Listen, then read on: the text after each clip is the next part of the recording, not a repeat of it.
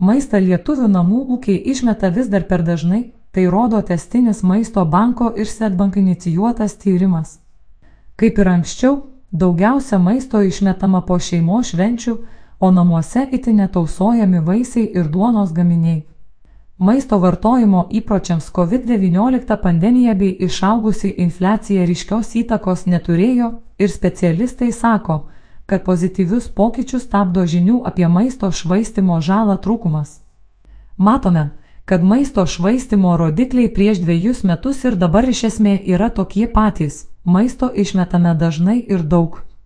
Kai kurie rezultatai netgi pablogėjo, pavyzdžiui, padaugėjo žmonių, manančių, kad maisto švaistimas nedaro jokios žalos. Tyrimo rezultatus komentuoja maisto banko vadovas Simonas Gurevičius. Tyrimo duomenimis, kas penktas šalies gyventojas maistą išmeta bent kartą per savaitę. Tiek pat, kiek ir prieš dviejus metus. Dar tiek pat lietuvių teigia, kad tai daro kelis kartus per mėnesį. Maistą dažniau išmeta žmonės iki 34 metų, o amžiaus grupėje virš 55 maisto švaistytojų smarkiai sumažėja. Opiausia problema - perkrautas stalas. Šiemet kas šeštas lietuvis tebe mano, kad išmeta per daug maisto, kiek padaugėjo sakančių, kad maisto išmeta mažai 62 procentai arba protinga kiekį 28 procentai, rodo tyrimo rezultatai. Maisto gamybos ir vartojimo grandinėje nuostoliai iki namų ūkio ir namuose pasiskirsto per pusę. Žinoma, nulinį maisto išmetimą pasiekti yra gana sudėtinga. Bet net jeigu manome, kad išmetame protingą kiekį, per metus susidaro įspūdingi skaičiai. Išmetimo sumažinimas galėtų padėti stokojantiems Lietuvoje arba, kaip šiais metais, karą patiriantiems žmonėms Ukrainoje, teigia S. Gurevičius. Dažniausiai maistas išmetamas po švenčių ar pasigaminus jo per daug, tą nurodė po 38 procentai apklaustųjų. Net trešdalis lietuvių atsikrato šaldytuvo turinio dėl to, kad tiesiog pamiršta, ką jame turi. Pusė žmonių maistą išmeta, nes bijo apsinuodyti, trečdalis nenori valgyti nepatraukliai atrodančių maisto likučių, o kas penktam tiesiog nusibosta valgyti tą patį maistą kelias dienas iš eilė. Stokojame maisto planavimo įgūdžių. Tyrimas parodė, kad vidutiniškai kas mėnesį maisto produktams vienam šeimos nariui iki 100 eurų išleidžia 24 procentai, nuo 100 iki 200 eurų. 40 procentų. Nuo 200 iki 400 eurų 24 procentai apklaustųjų.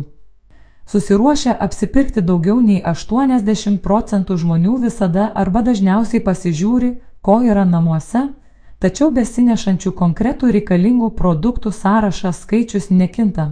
Tokių yra pusė.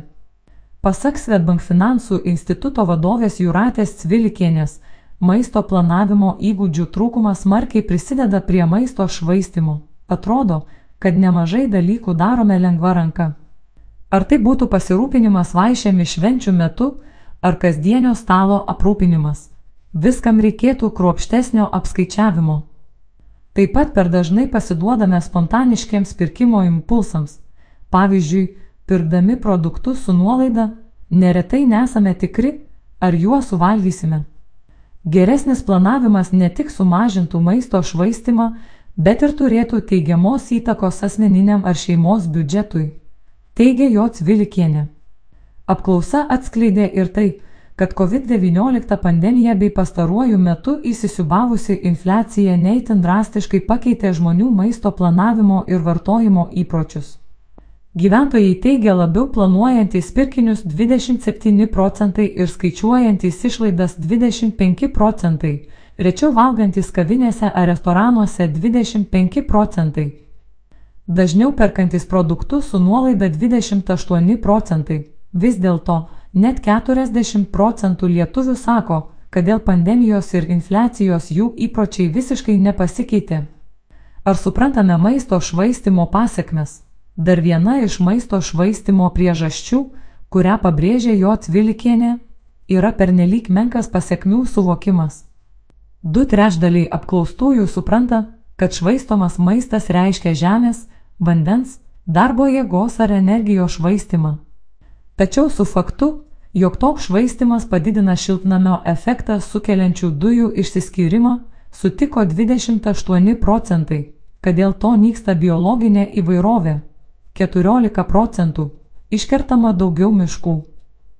9 procentai žmonių, penktadalis apklaustųjų galvoja, kad maisto išmetimas neturi jokio neigiamo poveikio. Taip manančių prieš dviejus metus buvo 5 procentai mažiau. Tvarios gyvensenos, aplinkosaugos ir socialinių aspektų akcentavimas kalbant apie maisto švaistimą yra labai reikalingas. Tyrimas rodo tendenciją, kad mažėja žmonių, kuriuos pakeisti savo įpročius labiausiai motivuotų galimybę sutaupyti, o tų, kuriuos motivuoja tvarumo idėjos, daugėja. Galime tikėtis, kad maisto švaistimo ateityje dėl to mažės, sako jo Cvilikienė, tyrimo partnerio Swedbank finansų instituto vadovė. Jungtinių tautų maisto ir žemės ūkio organizacijos duomenimis pasaulyje prarandama ar išvaistoma beveik trečdalis viso pagaminamo maisto. 28 procentai kultivuojamo žemės auginami produktai, kurie niekada nėra suvartojami. Dėl maisto švaistimo net 38 procentus energijos ūkiuose yra išeikvojama veltui. Vien Europoje išmetamų maistų būtų galima kasmet pamaitinti 200 milijonų žmonių.